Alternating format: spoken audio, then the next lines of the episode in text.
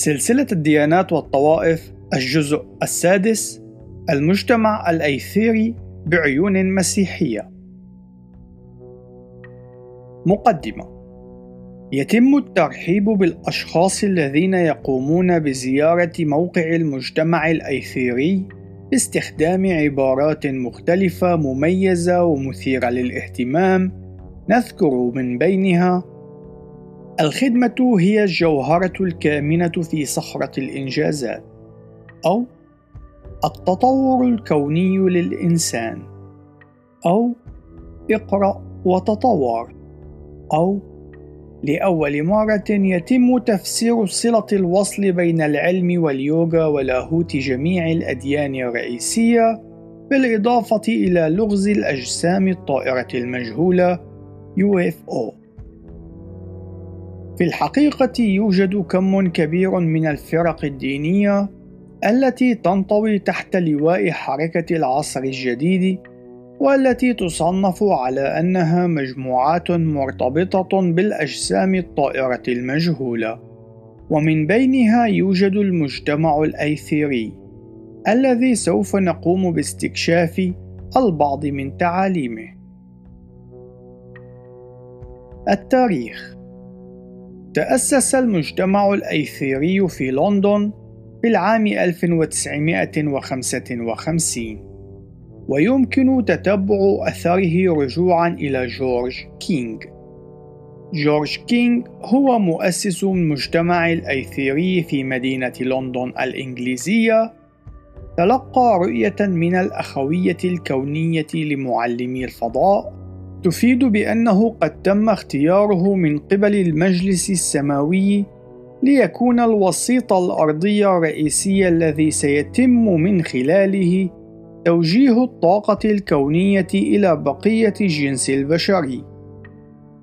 تم تأسيس المجتمع الأيثيري في العام 1954 وقد ادعى كينغ بوصفه الوسيط الأرضي الرئيسي أنه قد تحدث مع يسوع وكذلك مع الرسول بولس كما أنه قد ذهب في رحلة عبر مركبة فضائية برفقة مريم العذراء. كان كينغ قد أمضى عشرة سنوات يتعلم إتقان مهارات اليوغا في الوقت الذي تزامن مع تواجده في لندن. في الثامن من أيار مايو من العام 1954 سمع صوتا صاخبا وواضحا كان قد نسبه إلى كائن غير أرضي أي فضائي يقول له اقتباس هيئ نفسك أنت سوف تصبح الناطق باسم برلمان ما بين الكواكب. نهاية الاقتباس. بعد تلك الحادثة بثمانية أيام تلقى كينغ زيارة من أحد معلمي اليوغا المشهورين عالميا والذي دخل شقته في الوقت الذي كان فيه الباب مغلقا وأعطى كينغ تعليمات مختصة باليوغا المتقدمة. بناء على هذه التعليمات، تمكن كينغ من تأسيس اتصال مع المعلم أيثيريوس المقيم على كوكب الزهرة، وقد تم اختيار كينغ لكي يكون هو قناة الاتصال الرئيسية للتواصل بين سادة الفضاء وأبناء الأرض. قام بعدها كينغ بتأسيس المجتمع الأيثيري. ابتدأ كينغ بعد تلك الأحداث بإعطاء محاضرات محدودة أو منعدمة الرواج مقابل رسوم بسيطة. أثناء عملية Starlight التي ابتدأت في العام 1958 زعم أن كينغ قد نجح بالتواصل مع يسوع الذي هو أحد السادة المشابهين لأيثيريوس الذي كان قد سبق وتواصل معه وهو القاطن على كوكب الزهرة. وقد أعطى المعلم يسوع لكينغ الفصل الأول من كتابه المقدس لعصر الدلو. ابتدأ في تلك المرحلة كينغ بتلقي بث أو إرسالات من المعلم أيثيريوس. وهي التي تم نشرها في وقت لاحق في مجلة حملت عنوان أيثيريوس يتكلم Aetherius Speaks وفي إعلان آخر يختص بيسوع قام كينغ بشن هجوم على الولادة العذراوية للمسيح من خلال الادعاء بأن يسوع قد ألقي إلى الأرض عبر مركبة فضائية وهي التي كانت نجم بيت اللحم. وقد أنكر لاهوت المسيح كابن لله. عصر الدلو Aquarian Age وفقا للاعتقاد الفلكي إن الأرض يجب أن تمر عبر جميع علامات الأبراج الفلكية زودياك وذلك على مدار تاريخها الممتد عبر آلاف من السنوات. كل حقبة من هذه الحقب تدوم لمدة تقرب من ألفي عام. كان من المفترض أن يبتدئ عصر الدلو في القرن التاسع عشر. وهو الأمر الذي يبشر ببداية رؤية جديدة وكونية للعالم. كان العصر السابق هو عصر برج الحوت، والذي يمثل الفترة المسيحية أي يسوع صياد الناس. إن حركة العصر الجديد تتبنى روحانية تحاول أن تتزاوج مع العلوم والتقنيات المعاصرة، وهذه الروحانية تترك وراءها المفاهيم والمعارف التي توجد في التراث المسيحي اليهودي التي تميز آخر ألفي سنة من تاريخ البشرية. تحصل كينغ على جمهور محدود العدد في كاليفورنيا ممن كانوا منفتحين لأفكاره هذه، وقد ادعى أنه كان قادرا على تلقي إرسالات متكررة من أصوات أخرى من الأكوان. وهي الأخرى قد نشرت في ذات المجلة السابق ذكرها. تم تغيير عنوان أيثيريوس يتكلم إلى عنوان آخر يقدم وصفًا أشمل وهو صوت كوني Cosmic Voice بناء على دعوة من معلمي الفضاء تم إعطاء التعليمات إلى كينغ للانتقال إلى لوس أنجلوس في العام 1959 في العام التالي تم تأسيس فرع المجتمع الأيثيري في كاليفورنيا. قام السيد كينغ في خضم جولاته بين الولايات المختلفة بإطلاق لقب دكتور على نفسه ليدعى باسم الدكتور جورج كينغ علما أنه لا يوجد أي سجل عن تحصله على أي شهادة دكتوراه من أي مؤسسة شرعية أمريكية. إن جميع الإرسالات القادمة من المعلمين الكونيين كانت تسجل على أشرطة صوتية، ويوجد ثلاثة أشرطة تحتوي على الإرسالات التي تم تلقيها قد حفظت في مخزن آمن تحت أرضي في لوس أنجلوس ومواضع أخرى من ولاية كاليفورنيا. وبالتالي فإن جميع الإرسالات الكونية قد تم حفظها للمستقبل. ويقول كينغ عن الأمر اقتباس في السنوات القادمة سوف تكون هذه الأشرطة مصدرا مرجعيا لا يمكن الاستغناء عنه لكلمات السادة الكونيين. نهاية الاقتباس. المنظمة إن المجتمع الأيثيري منتظم حول مراكزه المختلفة.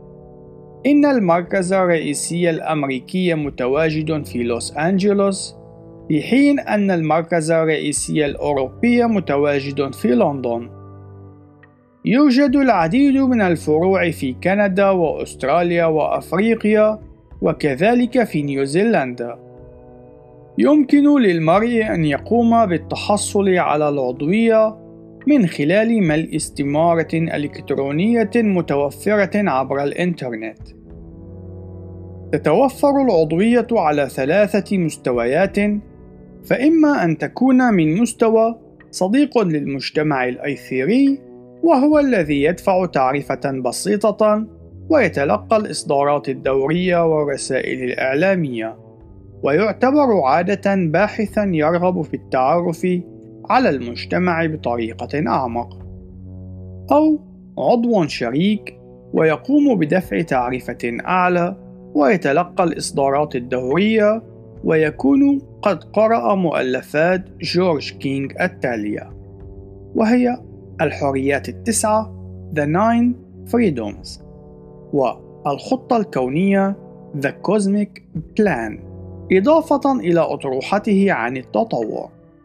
أو قد تكون العضوية على مستوى عضو كامل داعم للمهمة الكونية للمجتمع الأيثيري إن الأعضاء الكاملين يدفعون ذات التعرفة التي يقوم بدفعها الأعضاء الشركاء.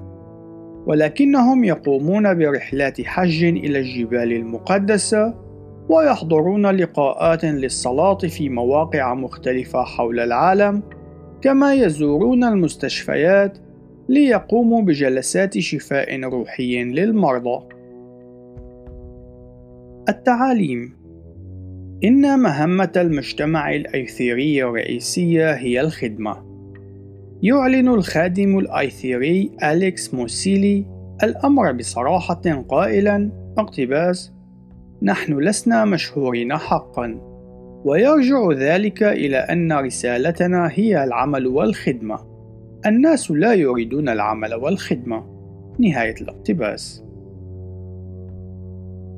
من بين المشاريع التي تم تنفيذها من قبل المجتمع هي عملية المياه الزرقاء.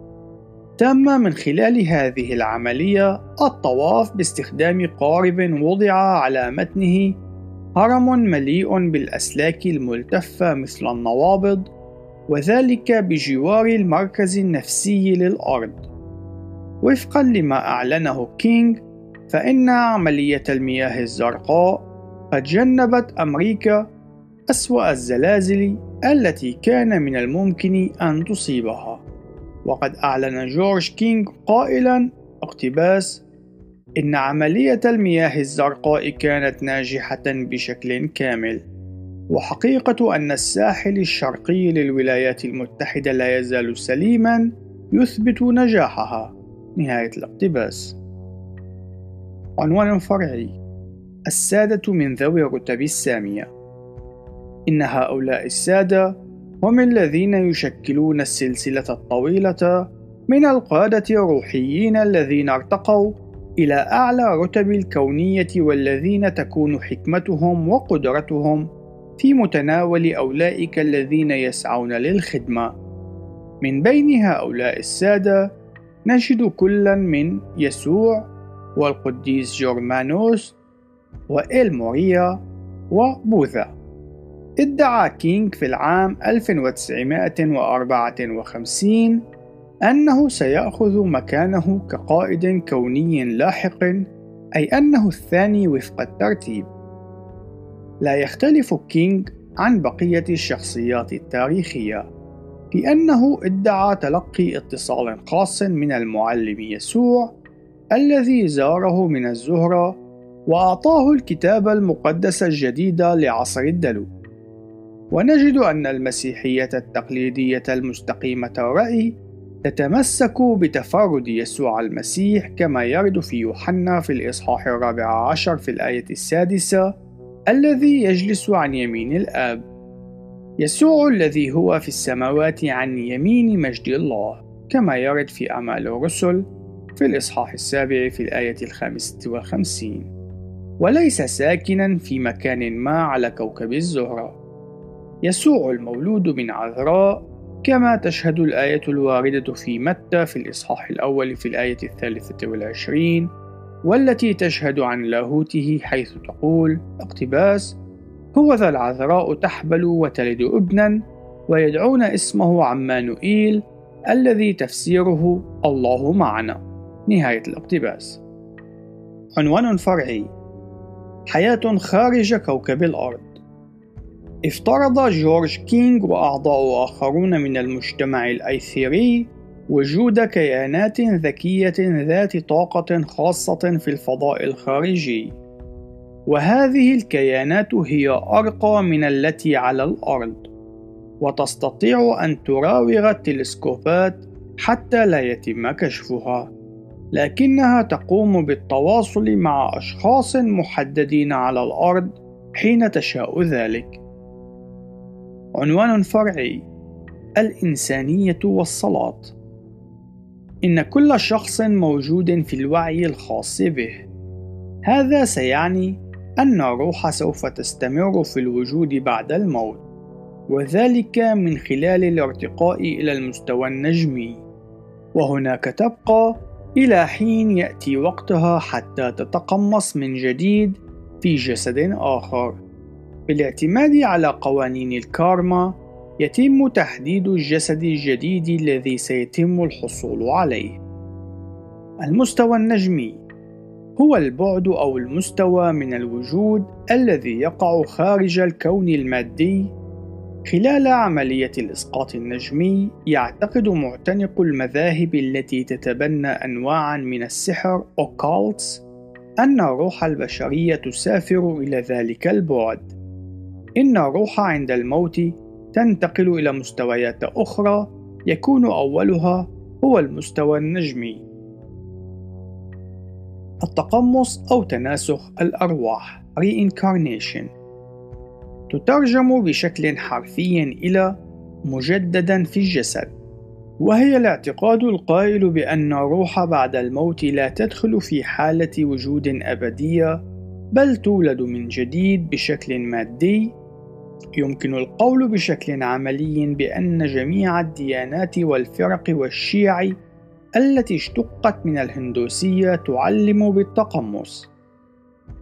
كل من حركة العصر الجديد السحر الويكا وسواها تعلم بهذا التعليم. أما المسيحية فهي تعلم بالتجسد أي تجسد يسوع المسيح. وهذا التعليم يقول بأن يسوع كان هو الإله الذي اتخذ طبيعة بشرية. والأشخاص الذين يختبرون ويعيشون الخلاص هم مولودون ثانية وهذا المصطلح يشير إلى الولادة الجديدة وذات الطبيعة الروحية حيث أنهم يولدون بالمسيح وللمسيح بالإيمان. إلا أن الموت الجسدي يفارق بين الجسد والروح.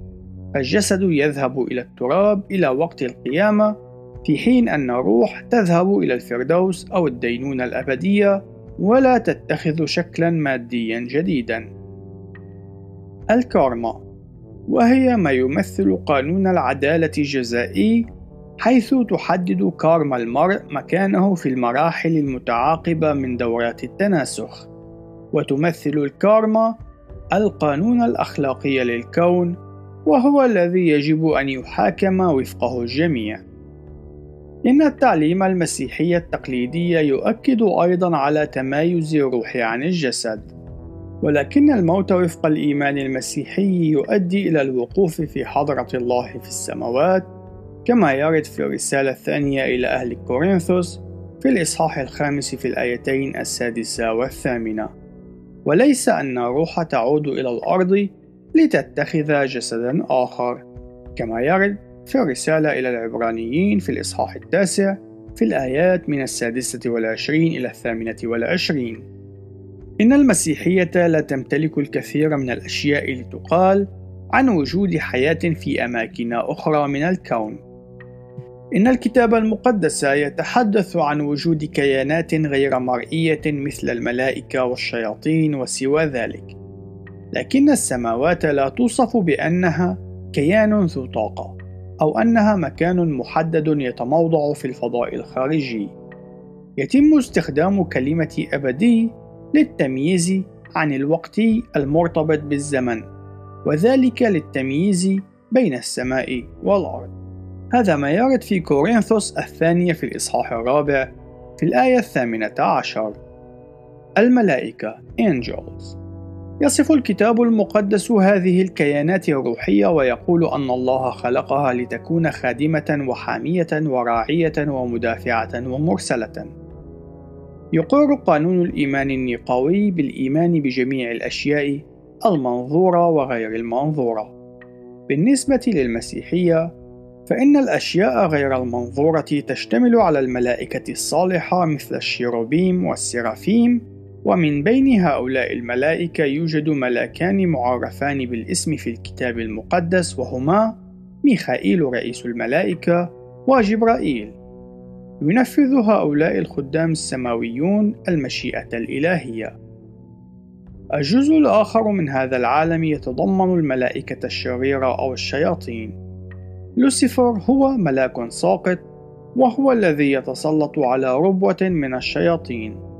تلعب الملائكة دورا كبيرا في الثقافة الشعبية التي باتت مهتمة بشكل خاص بالجوانب الروحانية وهو ما يظهر في العديد من المجموعات الدينية التابعة لحركة العصر الجديد.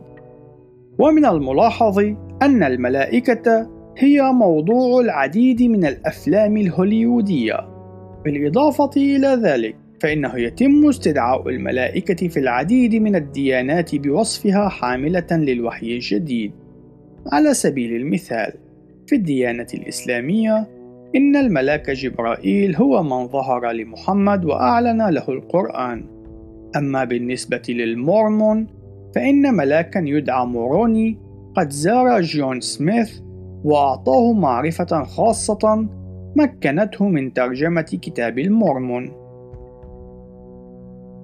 الشيطان روح شريرة ويعرف أيضا باسم إبليس.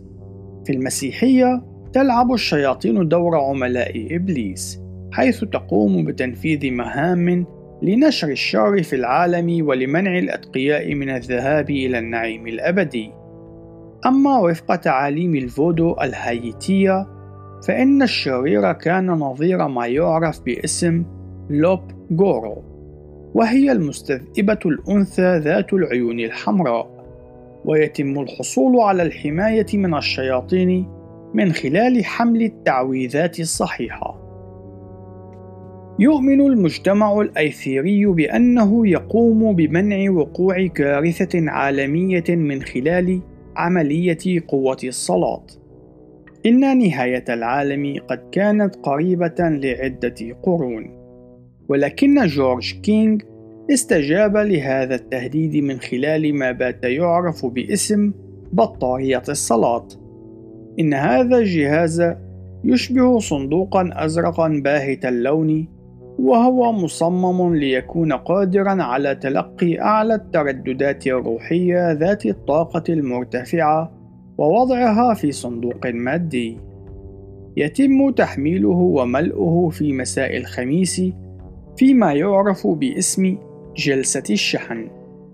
في هذه الجلسة يقوم قائد الصلاة بالاقتراب من البطارية ومباشرة الصلاة، ومن ثم يتم تقييم صلواته من خلال المتفرجين الحاضرين إن الصلوات الجيدة ترفع من الطاقة المخزنة في بطارية الصلوات أما الصلوات الضعيفة فإنها تضعف الشحنة الموجودة ويتم استخدام طاقة الصلاة المخزنة في البطارية في أوقات الأزمات مثل الجوع والهزات الأرضية والحروب وسوى ذلك من الظواهر.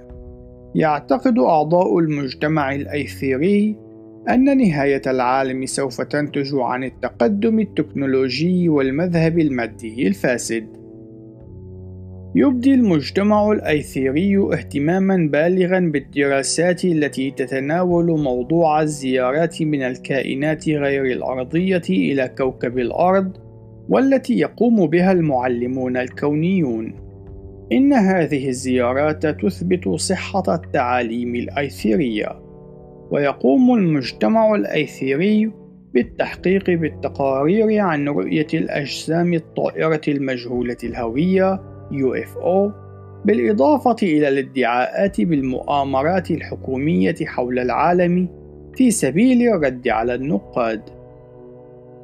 لطالما كان كينغ ملتزما باليوغا وتظهر الطقوس الشرقية بشكل جلي في الاجتماعات الاحتفالية للمجموعة. جزء من الطقوس التعبدية المرافقة لشحن بطارية الصلاة تتضمن ترديد مانترا متبناة من ترنيمة ترجع أصولها إلى التيبت وتقول ماني بادمي أوم يعتقد أنه ينتج عن ترديد هذه التعويذة طاقات روحية. يتم تخزينها وإطلاقها لاحقا في أوقات الحاجة إليها لصالح البشر. تسعى كل من قوى الخير والشر إلى الحصول على قدرات بطارية الصلاة المذكورة. مانترا. هي كلمة أو جملة تعطى باللغة السنسكريتية إلى معتنق التأمل التجاوزي خلال طقس احتفالي، ويقوم المتأمل بالتأمل في هذا الشعار مرتين على الأقل في كل يوم، على الرغم من عدم معرفته بالمعنى الحقيقي لهذه التعويذة. وتقوم المانترا بدور الوسيلة التي يمر من خلالها المتأمل إلى مستويات مختلفة من الوعي ليصل إلى حالة الغبطة المطلقة في الجمعية العالمية لوعي كريشنا يردد المعتنقون تعويذة معينة باسم كريشنا يتم استخدام مصطلح المانترا عادة للإشارة إلى الترانيم والصلوات الدينية المكررة يتم مراقبة الشخص الذي يود الانضمام إلى المجتمع الأيثيري بطريقة دقيقة. لا يسمح إلا للأعضاء أو الأعضاء الشركاء أو الأعضاء الأصدقاء المتعاطفين بحضور الاجتماعات، في سبيل أن يصبح المرء أحد المتعاطفين أي عضوا من رتبة أصدقاء المجتمع الأيثيري يجب أن يقوم بأداء ممارسة ترديد المانترا لمدة 15 دقيقة بشكل يومي. قام كينغ بإعادة كتابة الصلاة الربية والتي ادعى أنها قد أعلنت له من قبل يسوع كوكب الزهرة في العام 1961 تماشيا مع تعليم المجتمع الآيثيري تم تحويل الصلاة إلى مانترا بهدف توجيه الرؤية الداخلية والطاقة بشكل يتماشى مع ذواتنا الأعلى. وفي نهاية الاجتماع يقوم أعضاء المجموعة بترنيم هذه الصلاة بشكل حماسي. بدون أدنى شك إن مهمة الكنيسة المسيحية هي الخدمة، كما هو حال مهمة المجتمع الأيثيري. يرد في الكتاب المقدس في مرقس في الإصحاح العاشر في الآية الخامسة والأربعين اقتباس لأن ابن الإنسان أيضا لم يأتي ليخدم بل ليخدم وليبذل نفسه فدية عن كثيرين إن هدف المسيح من التجسد أي المجيء إلى الأرض هو التكفير عن الخطيئة. وبالنسبة للكنيسة فإن هذا هو ما يشكل أعظم أشكال الخدمة. أما بالنسبة للمجتمع الأيثيري فإنها ترتبط أكثر باستخدام القوى الكونية وتوجيهها لفائدة البشر والقضايا الإنسانية. إن المسيحية تتشابه مع المجتمع الأيثيري في إيمانها بقوة الصلاة، لكن وبخلاف المجتمع الأيثيري فإن المسيحية لا تمتلك ذات المفهوم المتعلق بوجود صلاة صالحة وصلاة شريرة. إن تم تقديمها إلى الله بإيمان وكانت متوافقة مع مشيئة الله فإن الله يسمعها وهي بالتالي ستكون صلاة صالحة. فالله لا يستمع لتلك الصلوات التي تقدم بعدم إيمان. التناقض الثاني الذي يختص بالصلاة هو اختلاف الدور الذي تلعبه المجموعة. في المجتمع الأيثيري يتم قياس الصلاة وحماس الجماعة من خلال شيء مادي وهو بطارية الصلاة. ويرتبط نجاح الصلاة أو فشلها بكمية الطاقة المتبقية في البطارية بعد تخفيض الطاقة السلبية.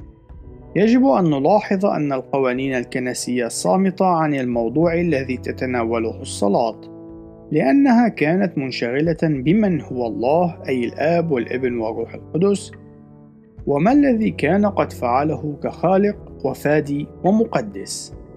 لم يتم التعامل مع الصلاة لأنها لا تغير بأي شكل من الأشكال من هو الله أو ماذا فعل.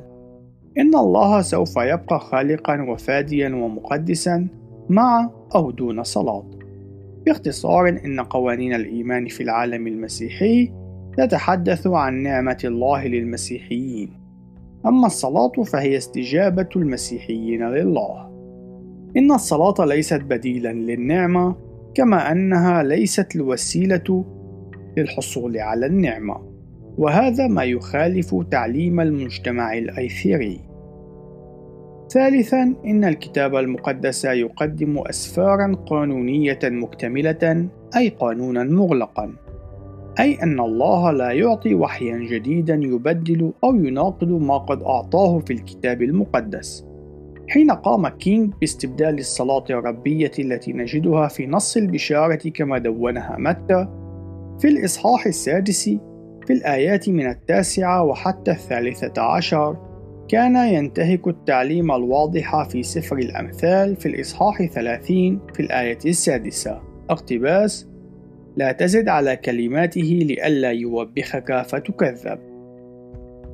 وبذلك قدم دليلا ضد نفسه يثبت أنه كاذب. رابعا إن هدف المسيحية هو نشر رسالة ملكوت الله وهذا الملكوت ليس من هذا العالم كما يرد في يوحنا في الإصحاح الثامن عشر في الآية السادسة والثلاثين في حين أن المهمة التي يسعى المجتمع الأيثيري لتنفيذها تكمن في إحلال السلام في الحاضر وذلك بمساعدة السيد الكوني. تقدم المسيحية والمجتمع الأيثيري توقعات بنهاية العالم، وفي الوقت الذي يقوم به المجتمع الأيثيري بالعمل على تأخير هذه النهاية من خلال شحن بطارية الصلاة فإن المسيحية تعترف بأن المسيح سيأتي من هناك ليدين الأحياء والأموات كما يرد في قانون أعمال الرسل إن هذا اليوم الموعود هو الرجاء الصالح للكنيسة. الخلاصة: إن المجتمع الأيثيري يتواجد في القرن الحادي والعشرين، ويقوم بمتابعة عقد اجتماعات عملية قوة الصلاة بشكل منتظم إلى جانب خدمات الشفاء الروحي. كما يتم إقامة الندوات والمحاضرات بشكل منتظم في مراكز المجتمع الأيثيري المختلفة. ويستمر الأعضاء في إيمانهم بأن التواصل مع كيانات ذكية من خارج الأرض سوف يتسبب باستحضار الاستنارة إلى سكان الأرض. يقدم الموقع الإلكتروني معلومات محدثة عن مختلف النشاطات والندوات والخدمات والمنتجات التي يتم تقديمها. النهاية. إلى اللقاء في الجزء القادم. ولنعطي المجد لله دائما.